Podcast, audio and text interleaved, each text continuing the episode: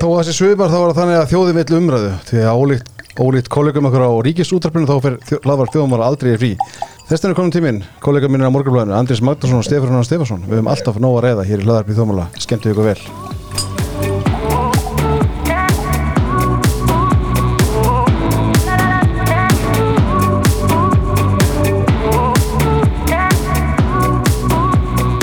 Það þetta nú, Stefán byrjar að hendi kljósin Þetta er alveg sækjandi Já, Sko, ég, einhver var eldaði fyrir svona daginn hérna reyndar í niðrandi tónum okkur sem er ótrúlega satt en sko hvenar á daginn menn byrja að drekka? Hversu snemma menn getur fengið sér? Þannig að byrja alla daga á kaffæðarglasi Merlin Monroe sagði það eitt sinni viðtali að hún færi aldrei að sofa öðru sinna að setja á sig dropa af Channel No. 5 og hún vaknaði aldrei öðru sem með glasa pípur hætsík í hendi. Já, Hún var reynda mjög um morgunsvæf Já, mjög. Og hún er enda dó 27 ára en ok, Já, og við erum nú allir orðnir eilítið eldri en það. Já um, Jú, en já, við erum hérna ætlum að byrja bara að letu hvítvíni það er svo hlýtt úti og sólinn skín þá verður maður að fá sér ískalt og, og frísklegt hvítvín. Já, þetta er mjög gott. Það er náttúrulega gaman að við skildum, Stefán, slökk á símunum. Það gaman að sko, við höfum færi á að koma þetta saman og, og gerum það reglulega, þó að við látum ekki sko, góða verið tröflokkur. Að því að ólíkt til dæmis, já, ég nefndi hér ríkisúttarpið, þá erum við ekki til sumfrí. Nei, ég geti ímyndað ykkur svona frétta klærnar inn, á, inn í þessum umræðu þáttum Ríkisjónarfsins auðvitað Egil Helgason fer það fremstur í hlokki en, en auðvitað fleiri eh, að, að vera með þetta allt bara í, í pásu yfir hábjargraðist tíma þegar að já, allt er að gerast í íslensku samfélagi. Sko mér finnst það reyndar alveg skiljanlegt uh, hjá Agli vegna þess að, að hann er með þáttur sem uh, heitir Silfur Egils og, og það snýra þinginu. Mhm. uh, þannig byrjaði þessi þáttur. Hann bara átti að vera þingtíman og ekkert meira og, og ekkert minna. Þannig að gott og vel og ég vissum að hann er að sinna einhverju allt öðru. En það er að allt hitt líki einhvern veginn niðri og eins og ég segi sko, ég meina, það er bara nógu að gerast í fréttum og uh, ég var reyndar að, að sko fjalla um daginn segja morgunblassins hvað þeir eiginlega gerst þegar að gósi var að byrja. Þetta var einhvern veginn svo formkjent og flaustuslegt hjá fréttastofu Rúf uh, uh, það var eins og bara það væri ekki helmingurinn mættur og, og kannski það hafi bara verið þannig. Það hafi verið svona fálega og, og það fekk mér þess að hugsa sko býtu, okkur lýsa er bara ekki yfir júli sumanlefi aftur eins og var í gamla dag Mhm. bara slökka á sjóarpinu í júli Já, eða fleiri mánuði þessum auðvitað Silfur Eils á sínum tíma í kringum pó- hérna þingið en, en svo kannski kalla aðstæður á að menn eh, breyti plani. Segja, bara skell ekki í lás og segja að það verður bara ekki opnað aftur sko. Ekki fyrir, að hausta bara í oktober þegar að þingið hefst. Það verður þetta verið alveg gríðarlega mikil pólitík í öllu spili núna eh, síðustu vikur og, og mánuðurinnar Jú, og, en þá verður fréttastofa bara að grípa þann bolta, ég menna Egil og Sigur veru komið til fólk Grandós og, og bara eru stödd við Eihaf þannig að nefnum við vilja fylgjast með pólitíkinni þar En byrju, Sigríður Hagalín Björnsdóttir er enn að lesa fréttir og hún hefur nú með glæsi brag verið að stýra þessum þáttum á móti agli. Þannig að hann hefur nú ekki verið þjakaður af, af vinnála vegna þessa. Ég skil vel að Kiljan geti farið í frí, sko. En þetta er bara uh, ríkisútvarpið segist verið einhver öryggisvendill, gæta þjóðaröryggi, vinni uh, í almanna þáu, svo eru bara hér risastór mál, nefni bara til þess og strandveðarna sem að brenna á mörgur hringin í kringu landið. Uh, og, og, og það er engin pólitísku vettvangur til að ræða þetta og, og, Já, eða bara að þegar að stjórnin var næstu í sprungin hérna rétt eftir að sendt Já, já. heim eða hvalviði málinn fór í gang eða, ég meina við getum alltaf áfram Við skulum, ekki gefa alla von upp á því að stjórnin springi. eru ríkisvonarpið getur alveg hérna breytt sinni dagskar og þeir munum nú eftir því þegar að lendingabúnaðurinn á 767 þóttunni í Hæsland er brotnaði flugtæki hérna í Keflavík Já, já. og vélinu var snúið við og allir held að þarna væri uh, risastór vél uh, með fullfermi af fólki og, og uh, gósi væri bara við það að farast þá auðvitað skellti uh, ríkisvonarpið bara í aukafréttatíma og beina úsendingu sko, þeir ætluðu sko að láta alþjóðu fylgjast með herlihittun og þetta var algjörlega fráleit uh, sko ákvörðun að, að raska allir dagskrá og, og espa þarna upp uh, óta fólk sem var þetta algjörlega ástæðulaus.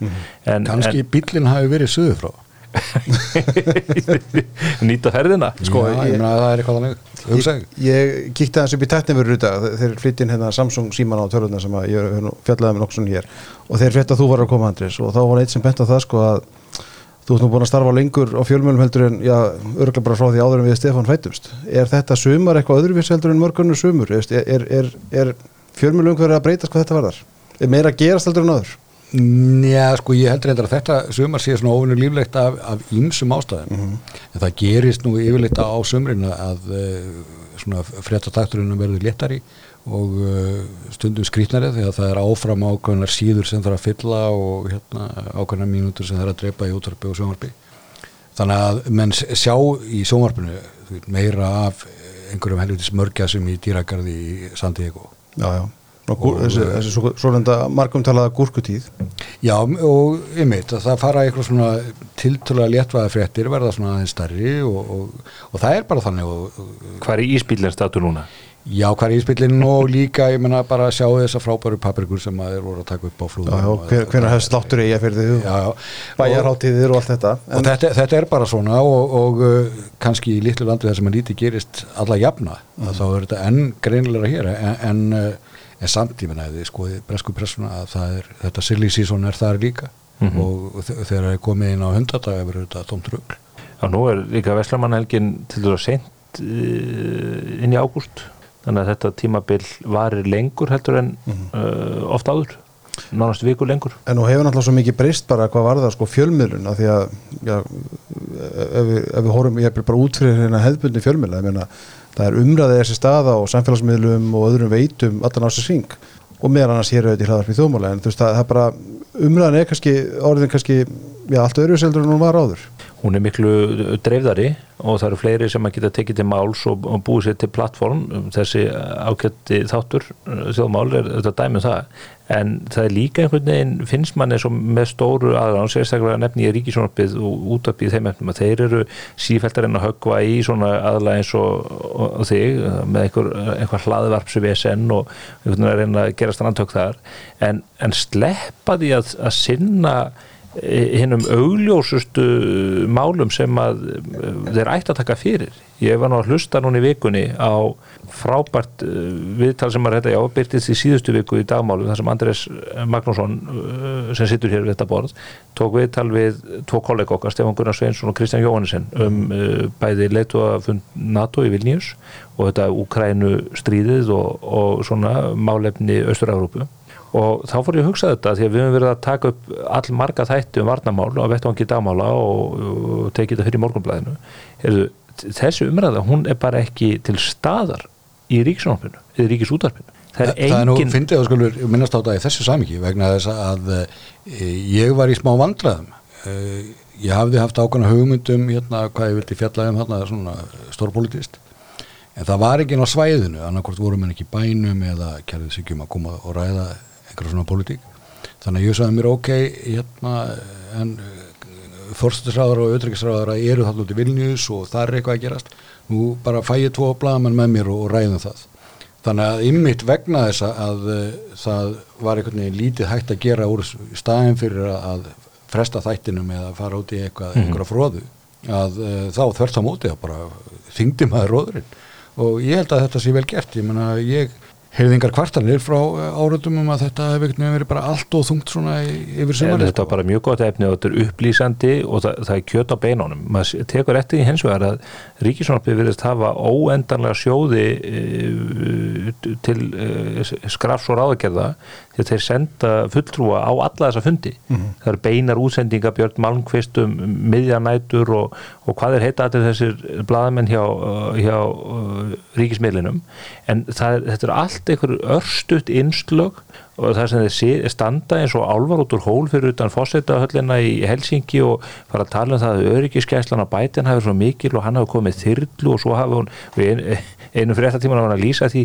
hvernig fórsetabifriðin hefur verið ekiðin í hvítt tjald og dreigið fyrir áður en kallin var dreigin út úr fórsetabifriðinni og skutlað inn í fórsetahöllina og bifræðin látur hverfa. Hvaða hvaða fréttaflutningur er þetta? Hvaða erindi á þetta í örstutt frétta einslög um mjög mikilvæg málefni. Elskan, þetta sko, er allt þú, svo þú varst ekki hérna 1986 eins og ég að horfa á hurðarhúninni í höfða Eh, sem að maður mátti sko þóla það að hlusta við Ingar þessar Jónsson lýsa því í þaula að hugsanlega hefði einhver komið húninni frá. En þó sannlegast ekki. Og, hérna, og bara svona gegn þetta fram á aftur. Auðvitað við svona tækifæri þá er, er þetta allt erfitt að vera að fylla í, í hérna, einhverja svona mínútur. Það er bara ekki derfitt það, það, er, það er hellingur af, af mögulegu umræðefni og ef menn setja það bara í réttan farveg og taka sko hérna efnislu umræðu í stað þess að vera alltaf með einhverju statískum hætti að, að lýsa því sem fyrir augu ber. Og ég reyndar held að ástæða þess að ríkisútvarpið finnur engan flöt á þessu varnamálum sem hann að svo að þetta eru þarna innan hús allt sömu afturhalds koma tittinir og fórsættisráðarann og, og Svo, svo að þú spari stóru orðin. og, og, og vinstri grænir sem að eru þetta algjörlega í er í fósturstellingun yfir því að nú er endalega komið í ljós að þau höfðu rámt fyrir sér í öllum megin atriðum varðandi NATO aðeina þetta er ég fann að hafa það fyrir reglu Stefán Pálsson frændi minn hérna herstöðar anstæðingur nummer eitt og og, og, og formaður þeirra samtæka að ef hann tjáir sig um eitthvað málefn á Facebook þá kommenta ég alltaf Ísland og NATO hér er burt uppráfunamerki bara til þess að bara til þess að nú þessu fólki upprúðs og auðvitað eigum við sem eh, hérna líðræðið samfélag að knýja miklu harðar á um svör frá þessu fólki um það hver þeirra afstæði í raun og veru er. Katrín Jakobsdóttir, hún er miklu meira erlendi sett hún er heima. Hún er endalust að baða sér í kastljósi fjölmiðla eh, á einhverjum leiðtúafundum með þessu fólki. Geiplandi svo gapandi og fagnandi komu svíja og finna henni í NATO en er í grunninn sjálf eh, réttir upp hendina á flokksrásfundum í Vafgi þar sem hún tekur undir þau sjónamið að við eigum á sama tíma að, að láta aðra þjóðir sjá undir iljarnar á okkur út úr þessu varnabandari þetta er bara algjörlega ótækt og ég held að það sé af uh, nákvæmlega þessar ástöðu sem að ríkisútvarpið uh, fjallar ekki um þetta að þetta er allt svo hryllilega vandræðilegt fyrir þessa kommunista Já, sko, ég, ég er ekki hérna ég haf samfæður þú um að e, fólki inn á rúf sé allt e, einhvern veginn svona einstild jú, jú, það er eitthvað í vinstra fólki þar og svona en, en, Eitthvað? já, Einn og einn? Já, einn og átta hérna þeir eru 13 andris en, en sko þeir eru gott byrði fleiri en uh, nei, ég, ég er ekkit vissum að þeir séu allir skilur eitthvað investræðar í, í hérna þessu NATO og varnamálabygsi ekki á sama hátt og, og e, einmitt fórstaraðar eins og nefnir þeir eru er investeraðir í því að, að standa vörðum það að koma fórsætsráðurann ekki í klandur Já, þau beina hugsanlega, alltaf já. sko blinda já. augana málum þar sem að hún geti lendi í einhverju vesen Jú, og það er eitthvað sem að menn ættu kannski að fara að halda henni betru við efniðum og, hérna, og ég undarskilðar ekki sjálf á mig að, að, Nei. Nei, að, að, að sem sé að, að sko, maður hefur á tilfinningunni mitt með hérna að hún er að fara á alla NATO-fundi sem hún finnur og hún segir öll rétti orðin og hérna í því samengi hún var í, í hérna auglíska myndbandi fyrir NATO sem var dreift félagsmiðlum bara fyrir viku fyrir, aðdraða þess að funda hver hefur séð það fyrir? Já, já, hún mætir með svo NATO-fundi sem er ekki haldnir. Það er Nei, ég meina hún er með betra mætingu en langt flestir uh, kolleganar uh, og síðan einmitt kemur hún tilbaka inn á Vafki og segir eitthvað annað. Og þá vil maður fá að vita byttu, ok, eh, gott og vel þú ert herstaðanstæðingur segir en þú vilt fylgja þjóðar hérna, örgistefni, gott er þér. En við þurfum að fá að skýra svörum þetta vegna þess að annarkvort ertu þarna bara þú veist að feika þetta allarleið alveg rosalega vel eða þú ert að hræstna eitthvað alveg svakalega. Ég byrju, hún, hún, hún er hræstnari uh, á öðrum konum vettvánum Já, og ég held bara fórsættriðarstólinn og fínu fimmstjörn og hótelinn og limósíutnar og lauruglufildin og bláuljósin og hátíðakvöldverðinir og, og myndi, myndirnar sem hún har satt í myndaalbúmin uh, fyrir hérna uh, fyrir æfisöguna ég held að þetta séu bara hlutir sem að séu svo freistandi að, að hún standist ekki standist hann ekki frekar en flest annað fólk. Og og, og við auðvitað líka og það fannst mér gott í þessu samtali ykkar félagan í dagmálum að loksins er farið að ræðum varnamál af alvöru. Þannig að þetta er ekki eins og einhverju hverulandar út í hotni sem að sé að telja skriðdrekka eða mála tindáta heima hjá sér á kvöldin undir, eh, undir eh, einhverju, einhverju glópheru. Þetta er orðið alvöru mál Íslendingar eru fannir að átta sig á því að við erum uh, hluti af þessu mengi merkir þetta að heyra ykkur félagin að ræða til dæmis bara um það hvers konar varna viðbúnaður er nöðsynlegur vegna mögulegar árásar? Í hverju væri líkleg árás fólkin af hálfu rúsa það er ekki með landgönguprömmum og öðru slíku heldur uh, einhverju hljóðfráum uh, flugskeitum sem að getur hér grandað mikilvægum innviðum og, og, og hvort sem það eru hafnir eða orkumannverki og annað í þeim túr og við erum bara uh, verandi hér í norður höfum á mikilvægum strategískum stað á milli Evrópu, Bandaríkjan og Rúslands þá erum við bara skotmarka eins og aðris og þegar að Þetta er svona umræða sem er ekki búið að taka í mörg mörg ár. Nei, hún hefur aldrei verið tekin að því að þessu hefur alltaf bara verið ítt út af borðinu mm. og við erum nú rætt að hér á þessum vettvangi til þess að Arnór Sigurðansson, hermálafulltrúi fyrir hann í NATO og skrifstofstjóru útækningslandinu skrifar bók um það hvernig hann vilja byggja upp varnarlið hér á Íslandi mm.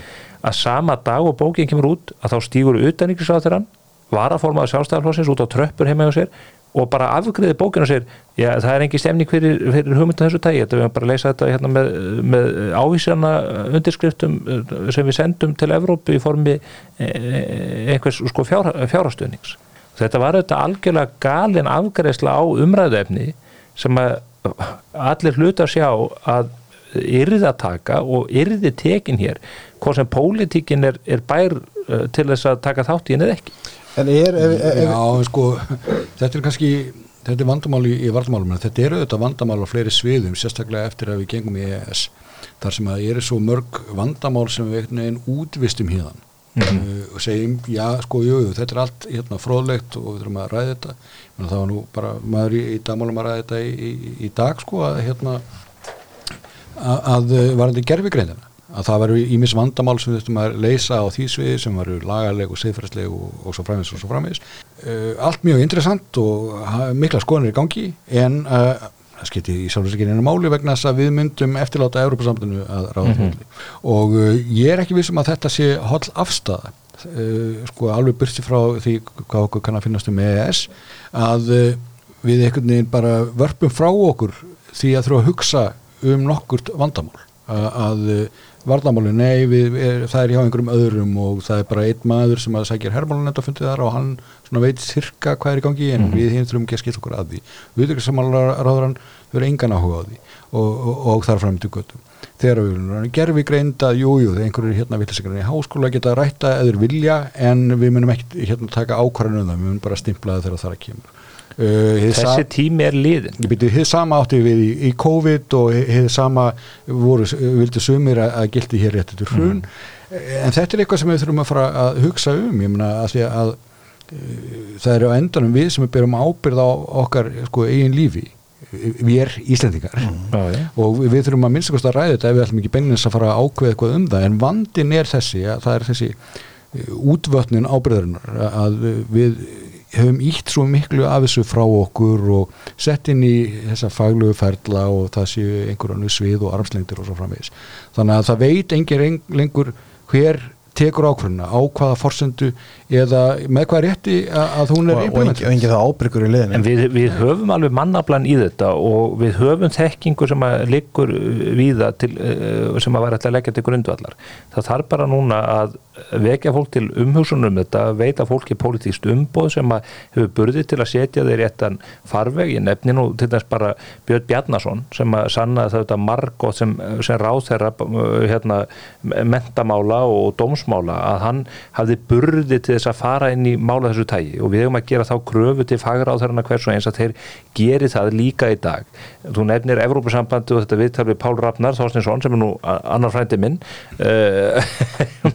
Hann, hann er líka frendi Stefáns Pálssonar uh, hérna, og, og Solveig Rönni Jónsdóttur. Já, við þurfum, að ræða Solveig Rönni eftir svona til að klára ættina. Við, við, þurfum, já, já, við erum bara rétt að byrja í þeim efnum. Að, eh, að, að eh, mér lágur til að nefna Livjastofnun sem er stofnun sem að, hérna, hefur nú talsvægt verið umræðinni svo stofnun gerir ekkert annan að stimpla pappýra frá hérna eh, Lífjastofnun Evrópu og, og helst að standi í vegi með alls ekki svona vesenni í vegi fyrir því að Lífjaframleðendur nenn að marka að lifa á Íslandi. Mm -hmm. þessi stofnun sem hefur þetta verkefni að stimpla gögni frá Lífjastofnun Evrópu og hefur bara sagt að, að sagði til þessi COVID, við munum ekkert gera þegar við fáum góð frá Lífjastofnun Evrópu þar starfa á, að starfa á áttundatug starfsmanna. 8-10 manns. Og þeim fjölgar bara fjölgar og þeir eru að leggja núna til þess að koma fram hérna í síðasta þætti að, að þeir fá hálfan miljard til þess að uh, hanna eitthvað uh, livja gagnagrunn í beinni útsendingu sem engin þörfur fyrir. Og þarna eru uh, þetta er eitt dæmi af fjölmörgum þar sem við erum bara að sturta peningum almennings í algjörlega þarflaus verkefni í stað þess að beina þeim einmitt í að byggja upp þekkingu og takast á við spurningar um það hvernig ætlum við að einmitt að taka við Evrópureglugerðum, innleiða þar hér þannig að það hendi í svona samfélagi. Þessi skýsla sem að Svanildur Holm og hennar fólk vann hér viðskiptar á því um þessi EGS málefni og hvernig einhver embættismenn í, var þetta ekki ekki viðskiptarraðundinu hér heima? Jú. Eh, að þeir bara upp á sitt einstæmi algjörlega þarflausu ástæðulausu og í einhverju hugsunarleysi leiða hér 2 miljardar kostnaði yfir Íslands viðskiptarlið og þar með íslenska neytendur. Það verður bara spyrna við fótum og annarkvort Þetta, Þetta- þetta þetta er norður- á fótum. Já, þetta er norður erfast heilkenni eh, sem á bæði við í, í Skandinavíu, Englandi, Hollandi, sumparti í Þísklandi að það er, menn taka þessar rammareglugerðir sem að koma frá Európu og í staðin fyrir einmitt að, að snýða það sjálfum sér. Það ákvaðar að fara alla leið og helst lengra. Mm. Og, og við höfum algjörlega farið Af í hverju gera það? Ég held að það snúið svolítið um uh, eins og svo margt annað að uh, sko, það er menning ekki síður en pólitík sem er, er farin að ráða í, í samfélaginu hjá okkur og þegar ég segi menning þá er ég ekki við um hérna, þetta sé allt saman hérna, eitthvað fólk sem er að horfa á hérna, fara listir.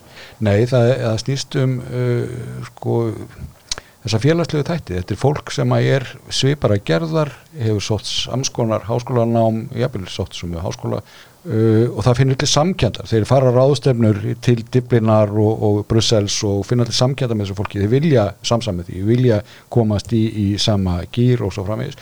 Og uh, það vill þægilega innifinu og ég held að þetta snúist um það að það er þarna fólk sem er velmentað og vill þægilega innifinu Og þá getur þú sem fagmaður í ráðunetti eða Lífjastofnun setið og búið til reglur sem ganga lengra heldur en öðrureglur til að sína hvað? Eh, Þekkingu þína og vald Já, það, það, Og er reynslu líka, eða? neð, það er líka, skilur hlutað er þetta að við erum að- að efla öryggi ykkar borgarna með regluverki. Regluverki er allt gert til þess að tryggja öryggi ykkar og alveg eins og lífastofnum bandarækina sem að er ákaflega hægvirk og svo framvegis að uh, þeir benda það að það hafi engin dáið af taljómiði í bandarækinum eða samt orðið vanskapaður eða eitthvað stíkt. En það er ekki vegna þess að þeir hafi verið svo vandvirkir, það er vegna þess að þeir voru svo hægvirkir mm. það var ekkert annað og það er alveg það er sama sem að, að gerist hér hjá mörgur ríkistónun að, að bara menn vilja hafa þetta þungt í vöfum og segja ég settir vöndu stjórnsísla af því að hún er hæg og við förum yfir allt saman, við lesum síðasta skjalið, við stimplum síðasta skjalið. Já, já, já, en þeir eru aldrei búin að Þetta verið betra ef stjórnsýslan væri öll eins og hjá Svandýri Svástóttur þar sem að bara menn legðu einhver viðhluta mikil mál inn til ráðunetana og bara innan 5 klukkustund að vera komið niðurslöði máli, kvispam búm Sko það er, að- já það er ýmislegt það er sko að Svandýrs verið ekki skipið hæstarétt. Menn verið alltaf konið út að bílastæði að það verið búið að dæma á til dauða. Nei, en ég reyndar sko, ég geti nú vel trúið því að ef hérna, hér kemur einhvern veginn ný ríkistóð til uh, valda að uh, það geti vel einhver tekið upp uh, þessa afgræstu svandisar og sagt, er ég ætla bara að frista ástandi hérna, það er bara setjum bann við þessu hérna, meðan ég skoða málið. Mm hérna, hún verður að gera afturreka með þetta fyrir dómstólum þannig að ég held að menn muni ekki eh, nákvæmlega ekki já, já, að sjálfsögur hún gerði afturreka með þetta það er allt komið í ljós. Hún hlustar ekki á einni neitt hún hlustar ekki á embæðsmennin í ráðuneytinu sem að segja, heyrðu, ákvörðun er sennilega ólögleg ákvörðunin, við erum ekki að sinna rannsónaskildunni og hvaðina og þetta enda bara með hérna, bótamáli sem að kvalur vinnur og það verður ekkit hérna, það er engin ráð þeirra sem að á að komast upp með slíkt. Já, ég byrju, byrju, okkur er þetta ekki að komast upp með slíkt? Hún hefur bara komist upp með alls konar hluti. Já, ég, það er þetta í skjóli e, þinna manna sem að hérna eh, bara e, kissa bara vöndin og halda eh, áfram tjörlík út fíling eh, í, í ríkistjórn með þessu fólki. Mm, ég þetta er nú bara lenskan með allar áþara, allar ríkistöndar, allar flokka að hérna, það skiptir einhver máli hvað kemur fyrir þá Það er bara ekki rétt. Það býtur nú, eh, hvernig fóru vinstri grænir með Sigri Andersen sem að fyldi, fyldi ákvörðun þingsins? Þegar þingið hafði kosið um að þessir 15 uh, stórkoslu dómar skildu setjast í, í, í landsétt þegar hann var stofnaður? Það er þetta gaman að skilja minnast á það vegna þess að ég veit að það er sem þing með sástálflóksin sem að hafa mikið verið að hugsa um það síðust að kannski svandis að hugsa um það líka. Já, gerði það náttúrulega ekki Sko það er eitt í þessu sem að ég ætla að koma aftur að uh, varandi þetta með öryggis og varnamál um, þetta er ágætt stæmi um, um það að það fyrir ykkur umræði í gang og það, hún er tekin á okkur vitrunum grunni einhvers staðar. En mun það skila sér inn í pólitíkina? Það er að segja e, getum við vænst þess að það verði einhver umræði um öryggis og varnamál svo við tökum dæmi í pólitíkinni vetur að því hún er aldrei verið neitt nein, og- það er frekar en annars þar Sko það er náttúrulega á á- því hver vil taka það upp. Nú villir þetta svo einkennlega til að það er formaður utryggismálunendar úr Vafki sem að er hérna orðin bara stækur í NATO sinni og hérna frekar áfram um bara varnir Evrópu og Úgrænu og hvað það hann vil kannski taka eitthvað slíkt upp vegna þess að gleymi því ekki að þarna í Vilnius þráttur að það fari ekki sérstaklega hátt þá var verið að kynna fyrstu nýju varnaráallinu NATO síðan í, í Viló Kaldasturisins staðan hefur gjör breyst og það er margt sem er eftir. En eitthvað af því hefur komið að borð okkar mannsjá herrmjörnunet NATO eitthvað af því ætti að hafa skilja sér eru ráðurlands við hefum ekki teirt um það ennþá. En utryggisraður að ber skilda til þess að, að ræða það við utryggismálunett fyrir það síðar. Já, já, það mætti taka annað dæmi menn hér voru við heilan vetur að mér minnir að einhverju bull umræðum stjórnarskrá fólk spreyjaði hér á götur og spreyjaði á húsveiki og spurði hvað er nýja stjórnarskrá væri og það væri líki fyrir hennar Kristrún Heimistóttir skrifaði lærða grein þar sem hún hakkaði allt saman í sig. Punkturinn með, með að rífa þetta upp að þá deyr vittlasumræðan er það rétt mat eða? Nei, nei, en ég held líka að, Það er ekki rétt mat. að, að já, sko, ég, ég held að eitt af því sem gerist kannski, þetta er kannski Þið lengra munið eftir þessu umræðum stjórnarskrána Já, en populismin, sko, honum er sama um staðrindir. Hérna, hann, þú veist, hatar ákveðna hluti alveg bursifræði hvað er satt og rétt. Þe- þe- þetta er kannski meira langtíma ferli heldur en að þetta breytist í einni svipani ég held til dæmis að eh, fyrir næstu þingkostningar hljóti uh, varnarmál að bera meira á góma og að, að frambjóðendur sem að uh, leggja sér eftir því að fjallum þau mál af yfirvegun og, og þekkingu muni njóta aukins tröst meðal almennings. Þetta er þess alveg merkilegt í Uh, var ekki á flokksásfundi hjá samfélkingunni þegar að Kristrún Frostadóttir uh, flutti sína ræðu síðast að það var í engu tilliti minnst á utanengismál mm -hmm. hvorki stríðið í Úkrænu og það er hörmunga sem að dinja þar yfir uh, vinaþjóð okkar uh, en ég heldur um varnir Íslands og öryggismál og, og landhelgismál og annaði þeimdúr en ég held að að svo krafa hljóta að vaksa og þeir þingmenn eða frambjóður sem að muni setja þetta dagskrá og þeir kunni að, að njóta góðs að því meðal almennings. Því almenningu kveikir alveg á því að, að þarna er eitthvað sem að þarf að huga að.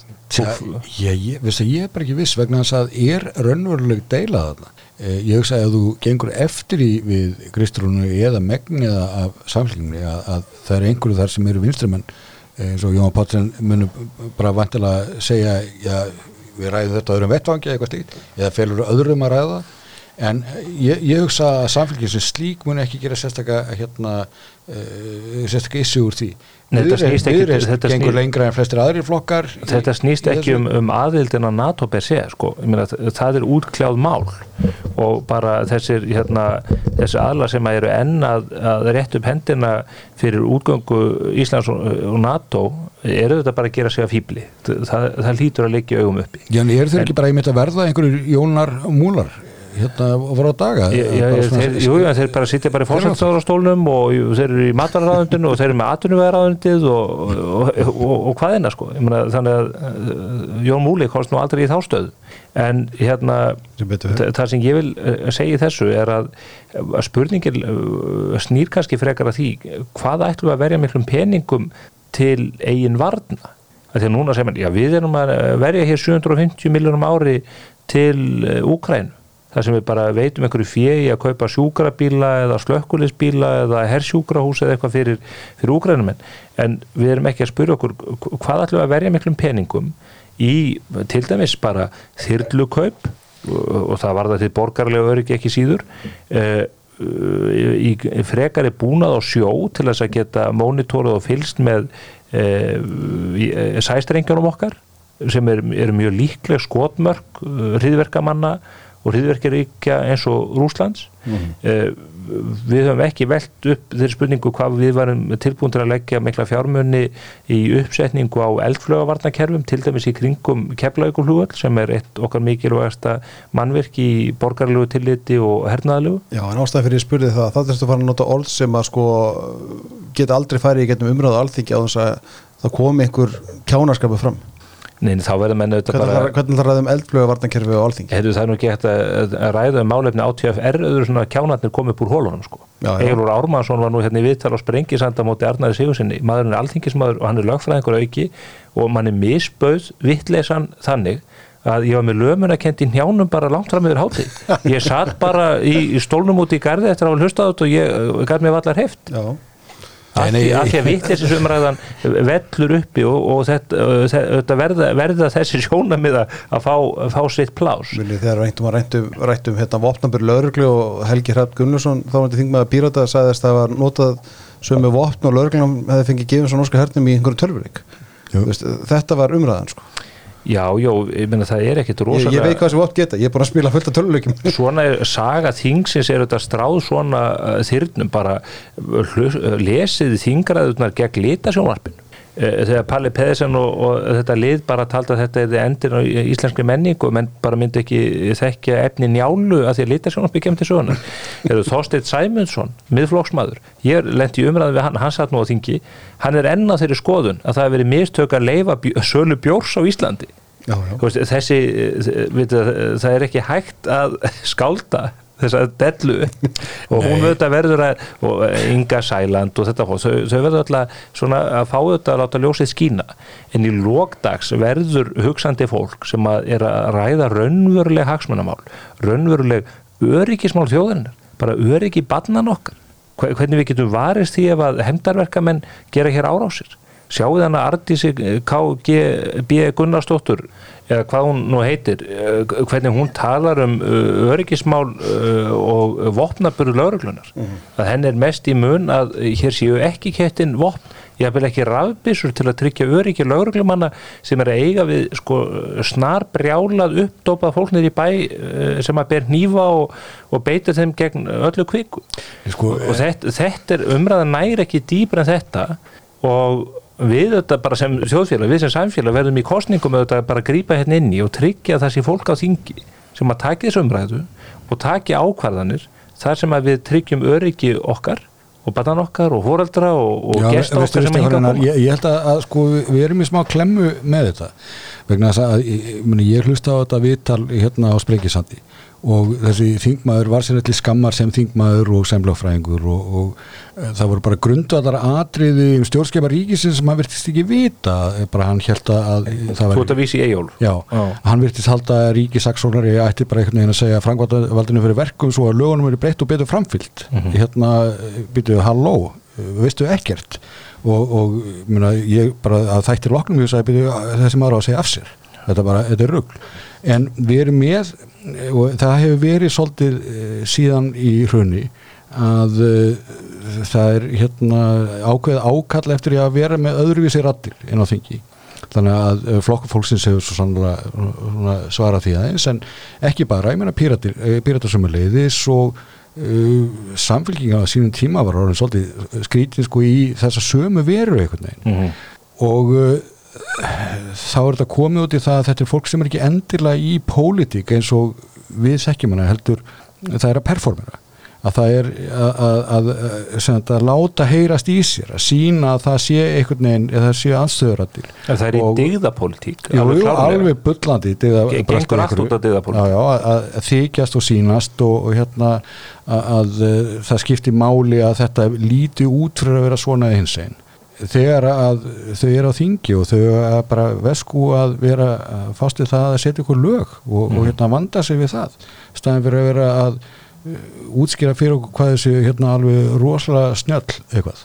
Já, og, og þetta byrtist að því þú Þetta nefnir er sko lagasetningar hlut, hlutverkið og þetta fjárlækjarina en þetta byrtist auðvitað líka uh, bara inn í borginni til þessi framgöngu alveg sundur brím uh, á vettvangi borgarstjórna sem að, og, og borgin gengur bara út á rekstur og þjónustu við borgarbúa og dygða skreitingarnar og, og dygða bröltið út í eitt þegar að síðan hún og samstagsfólk hennar í meirhlutinu borginni er með allt niður um sig það, það er all, eh, borginni gjaldtróta en þau hamast og hamast á anstæðingu sínum og eru sífælt einhvern veginn að reyna að draga upp þá mynd að, að þeir sem að séu ósamála því að, að, að þetta með ekki eða hitt vegna þess að borginna hafa gefna því að það séu bara einhverju siðleysingar og uh, ég held einhvern veginn í lókdags að þetta uh, ná ekki í gegn hjá meiri hluta þjóðarinnar.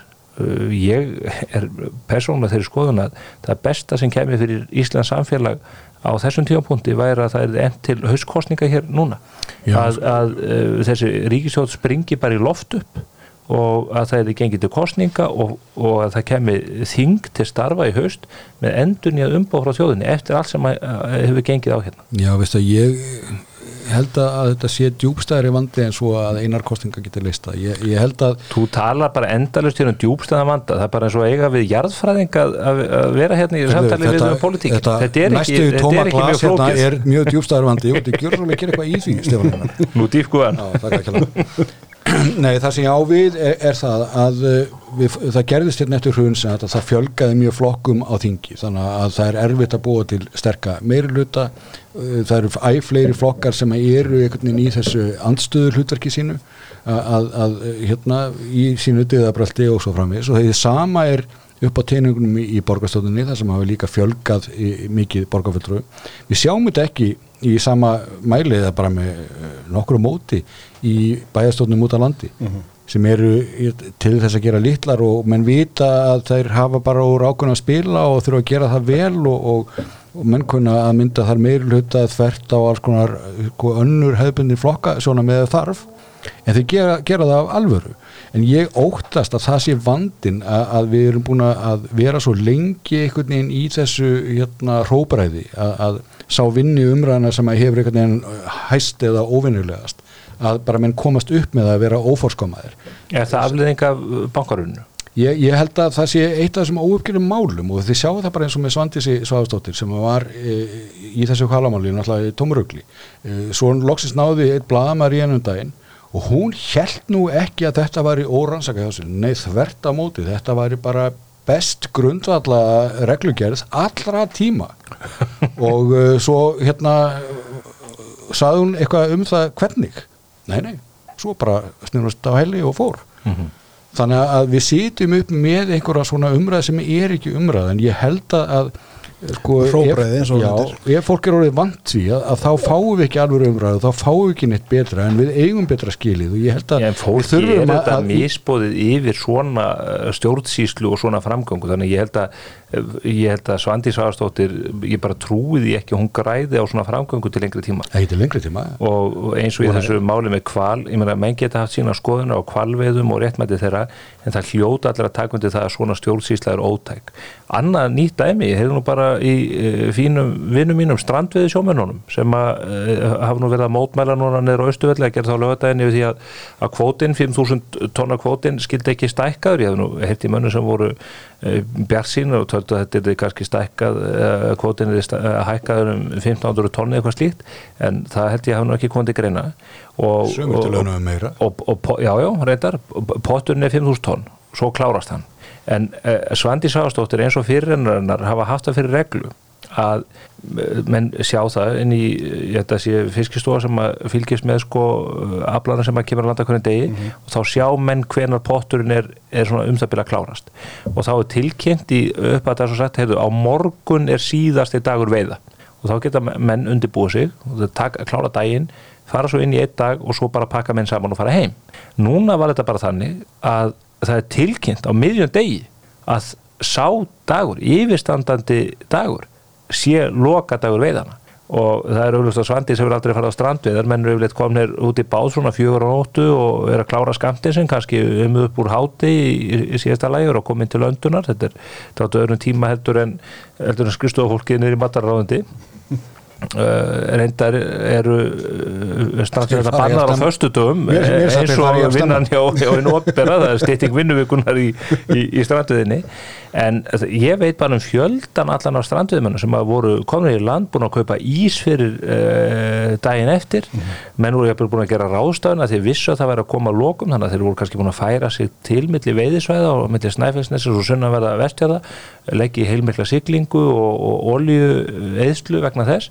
Og svo er þessu bara slengt í andlitað á þeim algjörlega fyrirvara löst að það er algjörlega eh, ljóst að, að það hefði verið hægt að gefa mönnum þennan dags fyrirvara eins og alltaf hefur verið.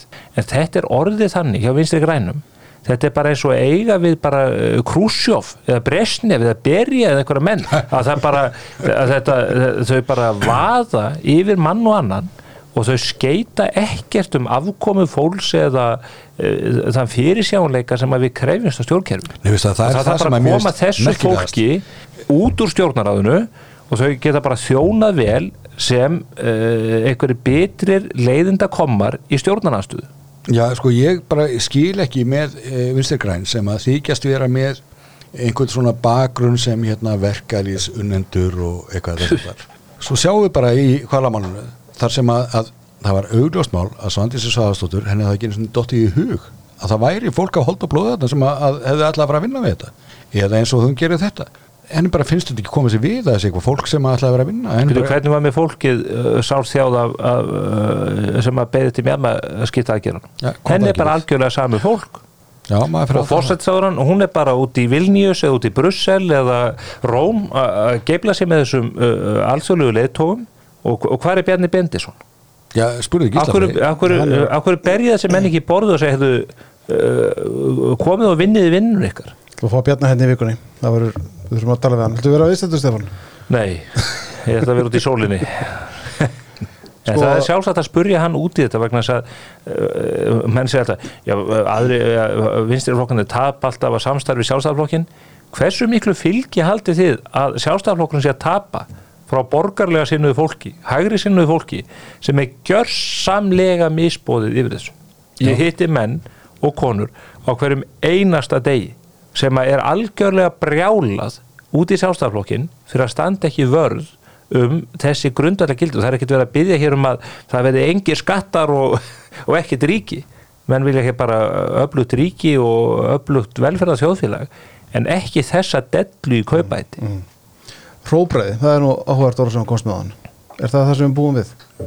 Já, ekki eins, og, ekki eins og í hruninu, þetta var náttúrulega hræðilegt rétt þetta hrun. Já, en, en, en sko kemur aftur að því sem Þetta vorum að ræða hefur skánað. Bara hvernig umræðan er átt Ég meina Sólvegan og Ragnar Þór Eru þau ekki lýsið til dæmi um það hva- Hvað hróbræðið er mikið? Já, jú, en gleymið því ekki að það var fólk sem að gat hérna talaði á mótið og með rökum að bara þau setti í seinu kannski alveg hljóð, jú, Ragnar Þór, hann andagnar nú smá stund. En, en Nei, þú lígur því ég held að þetta að, að að ef menn ná hérna tangarhaldi á þessu fólki til þess að bara hlusta á delluna og svara með rökum að þá gerist eitthvað. Og, uh, og til þess held ég að sé nöðsynlegt að uh, vera með þætti eins og þennan, vera með þætti eins og dagmál og ef ríkisúttarminu myndir nú þóknastlis að vera að vinna vinnuna sinna á sömrin að hérna þá geti þér verið með einhverja slika þætti. En það kalla þá líka á það að það sé verið að reyna að búa til einhvern debatt að uh, það sé ekki bara að vera að að fá einhverja hérna, fjóra álitskjafa sem að allir eru meira meina sem er skoðun eða e, sko, eitt, tvo hérna, samherja að ræða saman. Það, þarf eitthvað meira og, og ég get nú alveg trútt um talagnum því ég sé rætt mig í því í dagmálum að, að vera helst bara með einn eða tvo og ekkit allt og langt á milli þeirra. Það verður voða rólegt og það er hægt að týna ímislegt fram á löngum tíma eins og maður gefur sér þar. En ég held að, að til þess að fá draga fram þessa snörpu þætti sem við þurfum sem að, að samt sem aður eru saðir af, sko ábyrð þá það verður að setja eh, því einhverjar hérna uh, ég búið til plattform fyrir það. Og hann er til ef maður vildi nota þann en það er ekki verið að því. Þetta með róbræðið tók á sig svona nýja mynd eh, það var ekki löst að ég væri búin að gleyma því í öllu sumar hittanum og sólinni að Sólvegarna Jónsdóttir væri með verkarinsefinguna í gíslingu. Svo, já, einmitt og, og Bjarn Heiður Hallstóttir og samtök hverðarþjónustun og þau efna til glæsilegs verkefnis þar sem er svona verið að minna fólk á það við erum öll geskjafar þessara ferðamanna sem er að búa til þessa þennan gríðarlega eh, gjaldeyri fyrir þjóðfélagið og við krónunar og komið veg fyrir að verðbólgan aukist. Hefðu, þá er bara þá uh, skrýður Solveig Anna út úr tjaldinu í útilegunni og, og, og skellir í status. Þar sem hún gjörsamlega valtar yfir Bjarniði Hallstóttur og allt þetta fólk sem er að skapa þessi verðmætti fyrir okkur í gegnum ferðarþjónustuna Ég veist að ég, ég skildi þetta ekki að mér fannst þetta ekkit glæsilegt verkefni eins og þú veist að segja. Mér fannst þetta mitt bara eitthvað svona mjög ble PR verkefni Þetta er bara skemmtilegt við að reyna að virkja ferðarþjónustu bændur og annað Já, já, öruglega, en mér fannst það bara að vera einmitt freka boring. En, en hérna, en þeimil undarlega fannst mér hvað hérna Solveig Anna gat æst sig upp og farið bara svona persónulega hérna í kvikuna á Bjarni og svona sko, þetta er bara vannstillingin var Yfir, ótrúlega yfir hverju Östarsson og hún endar yfir, yfir því að, að því að Bjarniður og þau tóku slægin við hann út á hótelunum þegar Solveig var að reyna eðilegja ferðarþjónustunni henni í vor. Já, já. er, vetur hún endar statusinn sinn á þessum, þessum yfirvöðorðum þvílík skömm þvílík siðleysi. Þetta er svo rugglað að það er ekki einu sinni hægt að hlæja þessu. Vonandi fer þetta að skýta verkefni hún var saman að Andrisi í þessu tilti beint á ruslahaugin þar sem það er heima ég, mér langar þá til að spyrja Sólvíu önnu út í það sko ef þetta var að fara ruslahaugin í hvaða tunnu hún flokka þetta? Er þetta Þú spyrir að Gunnar Dóra því. Já, við getum hringt í hann kannski ágreinlega frá og sögunar En kannski er ennþá von vegna þess að hún byrti þennan status í gær en í dag fyrir tveimur tímum var hún að byrta nýja status af svölunum heima hjá sér Og þar segir hún loksis lesi þessa frábæru bók. Takk sól, takk sumar. Og það er bókin Normal People.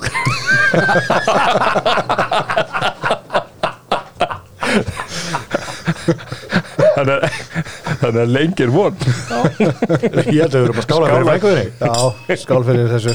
Við hófum þetta góða rítum hérna í haust þegar Kiljan kemur. Aftur. Herðu, ég var að segja þetta gott, það er búið að opna hérna góðstöðunum, það var lokað þar lengi. Ætli að sé orðin svona hvað að segja, ætli þröskuldurinn fyrir því að loka alltaf sé orðin svolítið lágur hjá embæðismönnum, það var hérna það kemur góðs, fólk er búið að fara þarna góðs í sístu tvö ár, enginn staðsand eitthvað alvarlega, gengið nokkuð vel fyrir sig. Svo er loka fyrir góðstöðunar muni ekki þegar lögregstöðun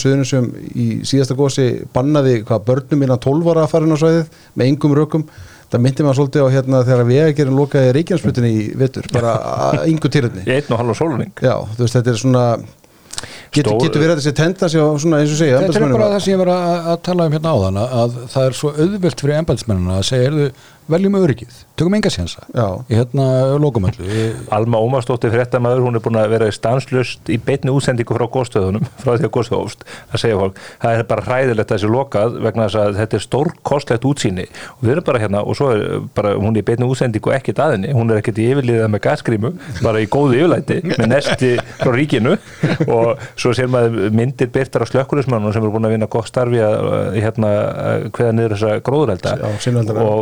alveg hægt að það er alveg hægt að komast þarna að þessu svæði eða svona fólk rinni niður unnvörpum og reykeitrun og það eru þetta bara aðalmálið að stika leið úr norðri frá keili og, og meina það eru vegspottar þarna sem að gáka tildur að nærri. Og þá menni ég að leggja sér frankoróka við að, að koma þessari þeirri gönguleið upp. Við höfum verið blessunarlega laus við gasmengun og reikmengun hér í borgina því að vindátt hefur verið mjög hagstað að menn hafa verið að ná tökum á gróðureldunum. Og uh, svo segir lauruglustjórin já við erum viðbrastæli við höfum ekkert með það að gera að, að koma upp þessar, þessar vegspott úr norðri það er einhver aðra að gera það.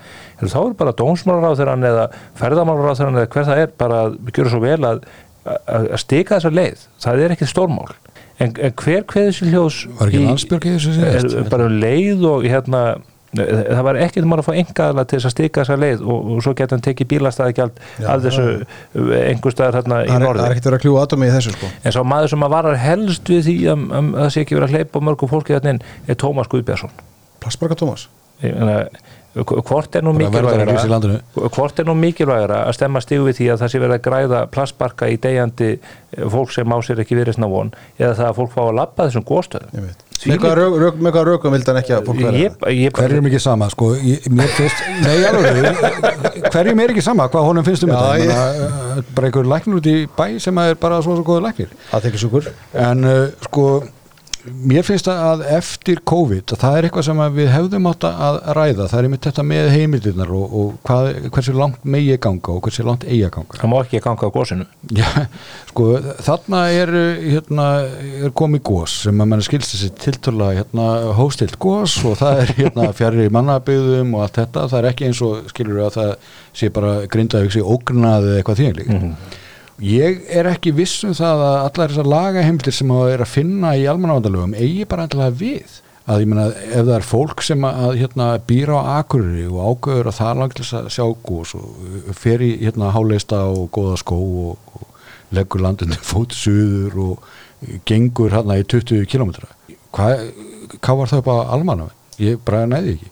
Það búið að segja að þú ert í hættu og þú ert í reiknum. Þú er öðrum með gasmæli. Svo bara verður fólk að taka ábyrð á því það er ekki hægt að hafa endarust við fyrir fólki.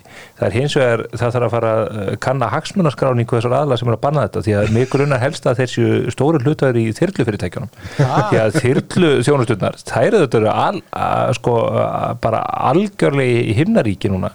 Það er engin við góðstöðunar nema þær þetta er bara góðs fyrir miljardamæringa fyrir ríka fólki og ég, mena, ég vil bara fá pistil frá Þóruði Snæ og öllu þessu fólki og það hvernig verða mismunna almenningi versus þá sem að geta fólki sem búið að taka sér hérna peninga og er að nota það í þyrlufæri tekur sér fjármunni reynir að komast undan skattgreislum og fer síðan á þessum eldspúandi þyrlum hér sem að er að valda hér eyðing ósvonlagsins Nei, svo nú líka, ég, ég hitti breyta hérna um, um daginn sem að var að koma til Íslands ég veit ekki hvað, 20. að 30. sinn hann, hérna, mikill Íslandsvinnur hefur komið ykkar bara síðan 1980 eitthvað og uh, hann var að útskýra fyrir mér hvers vegna hann hefði hrifist svo á Íslandi og þá var ástæðan svo að þegar hann kom inn í fyrsta skipti í 80 eitthvað að þá fór hann í bláa lónið og það var gamla bláa lónið áður en að þetta varð alltaf að þessari gemstu sem er í dag og hann sagði að það hefur verið veginn svo töfrand að vera komin hann út í pollin og síðan var allt í einu skilti út í miðum pollinum sem ástóð hinu með þetta skilti þá myndu sjóða og deyja á eigin ábyrð um það bil. Og hérna hann bara var svo hrifin hann sagði, ég heyrði loksins bara einhverjum með viti í það bara þetta er, er mitt vandamál að vera vitlaus. Já. og best að halda sig hérna með skiltisins sem hann á gerði og, og lifir enn. Ekki mjög hára elli en, en uh, þarna er sko öll þessi hérna pólitík sem að snýst um það að við ætlum að, að sko vernda ykkur, við ætlum að halda ykkur örugum alltaf að eilífu. E, það hefur gengið svolítið mikið langt og að mörguleiti miklu lengra heldur en okkur baðum Akkur hefur ekki nýr dómsmálar á þeirra stíð inn í þetta? Ég, góð spurning. Okkur vantar pólítiska fórustu um það eina sem, núna, uh, Katrin Jakobsdóttir hún á Íslandi. Og hver er skilabóðin hlýðiði viðbræðsalum ekki fara að góðstöðunum, þó ég sé búin að gera það Já, já. Búin, Já, já, þetta er, þetta er bara eins og með vegagerina í vetur, ég meina að það er auðveldar að sko loka bara reykjasmötinni og spá ekki í afleðingum af því, bara miljardar tjón fyrir flugflögu og ferðarþjónustu og allt þetta, heldur en að eiga þá hættu að kannski að fara eitt bít út, út af brautinu eða eitthvað sluðis. hver er Teslur á sumadekkjum Já, já, en þú veist það er sama, meina þetta er, þe- þetta er tendansinn hjá hinn ofn bara, mm -hmm. að loka bara, bara eins og var gert í COVID. En aftur, aftur snýstu þetta um það að, veist, að það er einhvern veginn ábyrðin er að hverfa að einstaklega eigi eiginlega ekki að bera ábyrða sjálfum sér heldur bara að það eru þessar fóstrur sem að, að á vegum í sopra sem að sjá til þess að það ekki geti mögulega komið fyrir með því að vefi allt í bómull Mm. Gísli, sko, ég sé að þú ert farin að ókýrast að því að þú komast út í sóluna og vilt helst ekki hafa þessa þætti Við og langa getum verið þetta 2-3 tími viðbútt, sko. Já, ég meina, það er það sem við ætlum að Þetta gera maður að flösku það. Já, já, þú getur rétt ímyndaðir að, að því að nú, sko, stjórnkerfið er eiginlega allt í fríi en mig langar til að minnast á eitt mál sem er þó jákvætt að því við erum nú uh, svona í þessari já, kannski oft ekkit alltaf alltaf mjög jákvæð umræðu en það bárust þó uh, jákvæð hérna. jákvæð tíðindi núna um helgina af uh, matsfyrirtækjunum. Já, sem að er full ástæði til þess að minna á þar sé að Moody's og S&P uh, hafa fært lánsæðumætt ríkisós í jákvæðar horfur og uh, þriðja fyrirtæki, þriðja stóra lánsæðumætt gerði það nú reyndar færði okkur úr neikvæðum í stöður horfur fyrir þessu ári og, og þeir segja bara Er það jákvæmt? Verður þá bara ekki tekin meiri lán? Nei, þú veist, uh, þetta er nú eitt af því sem að til þess bankarnir hafa nefnt að standi þeim fyrir þrifum í Sína betri fjármögnun. erlendis og, og er auðvitað stórt vandamál en uh, bottom line í þessu er að uh, þessi matsfyrirtækið þau segja öll ef að ríkið bætir rekstur sinn betur ef að hagkerfið verður fjölbreytana með öflugum fyrirtækjum eins og Keresis og Kontrolant og, og hugverka yðnanum og ef að þið náðu tökum á verðbólkunni þá mun lánshæfis mat ríkisjóðs batna enn frekar og það mun hafa aftur í ákvað áhrif á fjármögnun bankana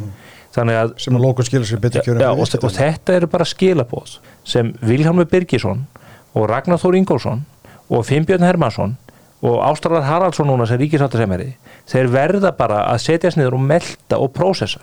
Við verðum fyrst og það, það er ekkert stærra verkefni hér framöndan kannski fyrir utan það að ná betri tökum á, á, á útgjöldnum ríkisins en einmitt það að koma hér skikja á vinnumarkaðin þannig að við förum ekki í höfnungarhlöpið við að elda það tjón sem við sannarlega höfum orðið fyrir.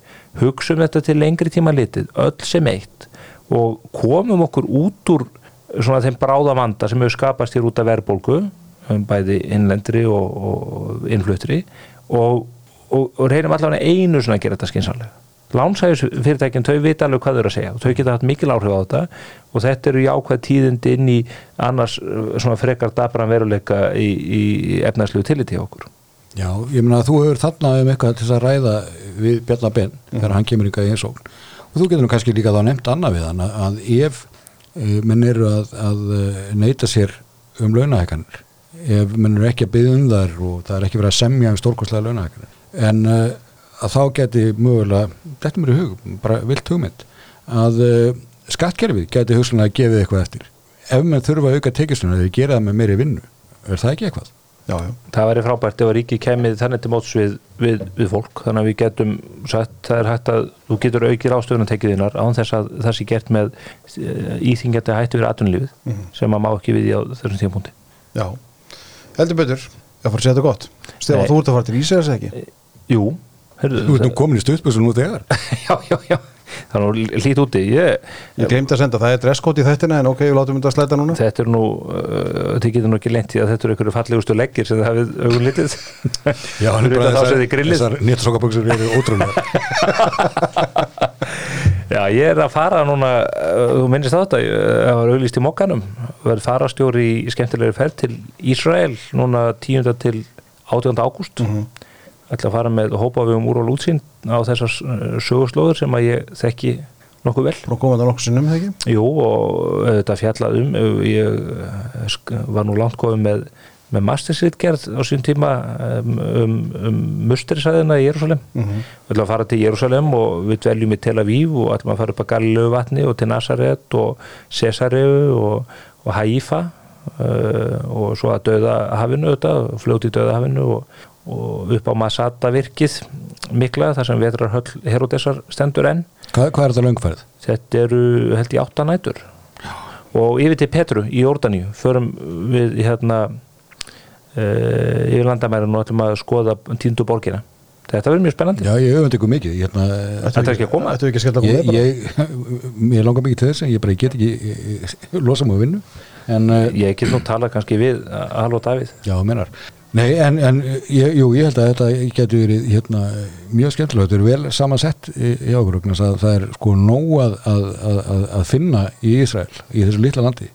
En uh, já, það er valið vel landið er lítið en, en, uh, en sagan stór og þetta, það, það bæði er þetta landfræðilega áhugvert jarðfræðilega áhugvert þetta, þetta hérna, lægsti staður jarðar er, er döðhafið og Galilegu vatnið sem við förum í norðri uh, uppi við sýrlansku landamærin uh, það er það er lægsta ferskvatn í heimi og svo er bara líka svo skrítið að, að til dæmis nýri Tel Aviv þar sem þú ert í svona artekokverfi frá 1920-30 Já. uh, sem að, og ég menna þetta er bara eins og evrósk hérna, stórborg fyrir 80 árum uh, það er hérna þú ferði Haifa sem er þessi gamla alþjóðlega borg og þar ertu sko ferðu hérna beint úr arabiskum hérna matsalustad yfir í, í bara eitthvað týróla rugl hérna allt á sama stað sko. matarmenningin þetta er frábær. Og eitt af því sem því að við erum búin að drekka hérna, hérna Kapillavængarten Morelón frá Sattlerhof í þessum ágæta þætti að þá er vínmenningin í Ísrael líka alltaf að batna og batna.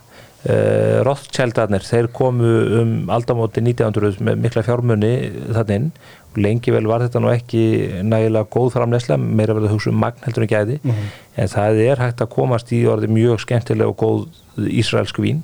Og um, svo ætla ég að fara með menn með hópin yfir til Betlehem og í fæðingakirkjuna og það er ætla ég að sína fólki hlut sem að ég held að fæstir Íslendingar sem þá að koma uh, region í, það, er, það eru freskur frá krossfaratímanum að bæði Ólafi Helga Tryggvarsinni e, Norskónungi og Knúti Fjóruða Danakonungi. Þeir voru, eru þetta svona helstu dyrlingar þessara nágrann þjóðu okkar og voru viðfrægir um heimallan og, og krossfarar á 12 og 12 og 13 öld, þeir, þeir máluðu freskur af þessum mönnum sem enn eru sínilegar í, í fæðingakirkjunni. Já, ok. Það er magnað að koma á þessu staði. Þú eru að spreja mynda þállagi Helga Uh, skúla sinni.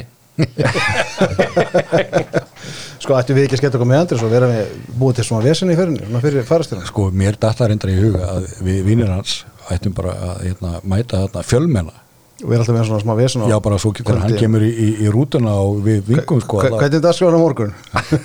Ég er ekki verið að koma inn Ég þarf að fara að blóstið Ég kann nú uh, að snúa á ykkur félagana, ég bendi ykkur bara næsta bar og þá er ég lausið ykkur. Skál. Skál, skál Herðu, takk fyrir skómanum, drengir. Klippið grusumarið. Og góða ferð, sjálfum og sjálfum Shalom.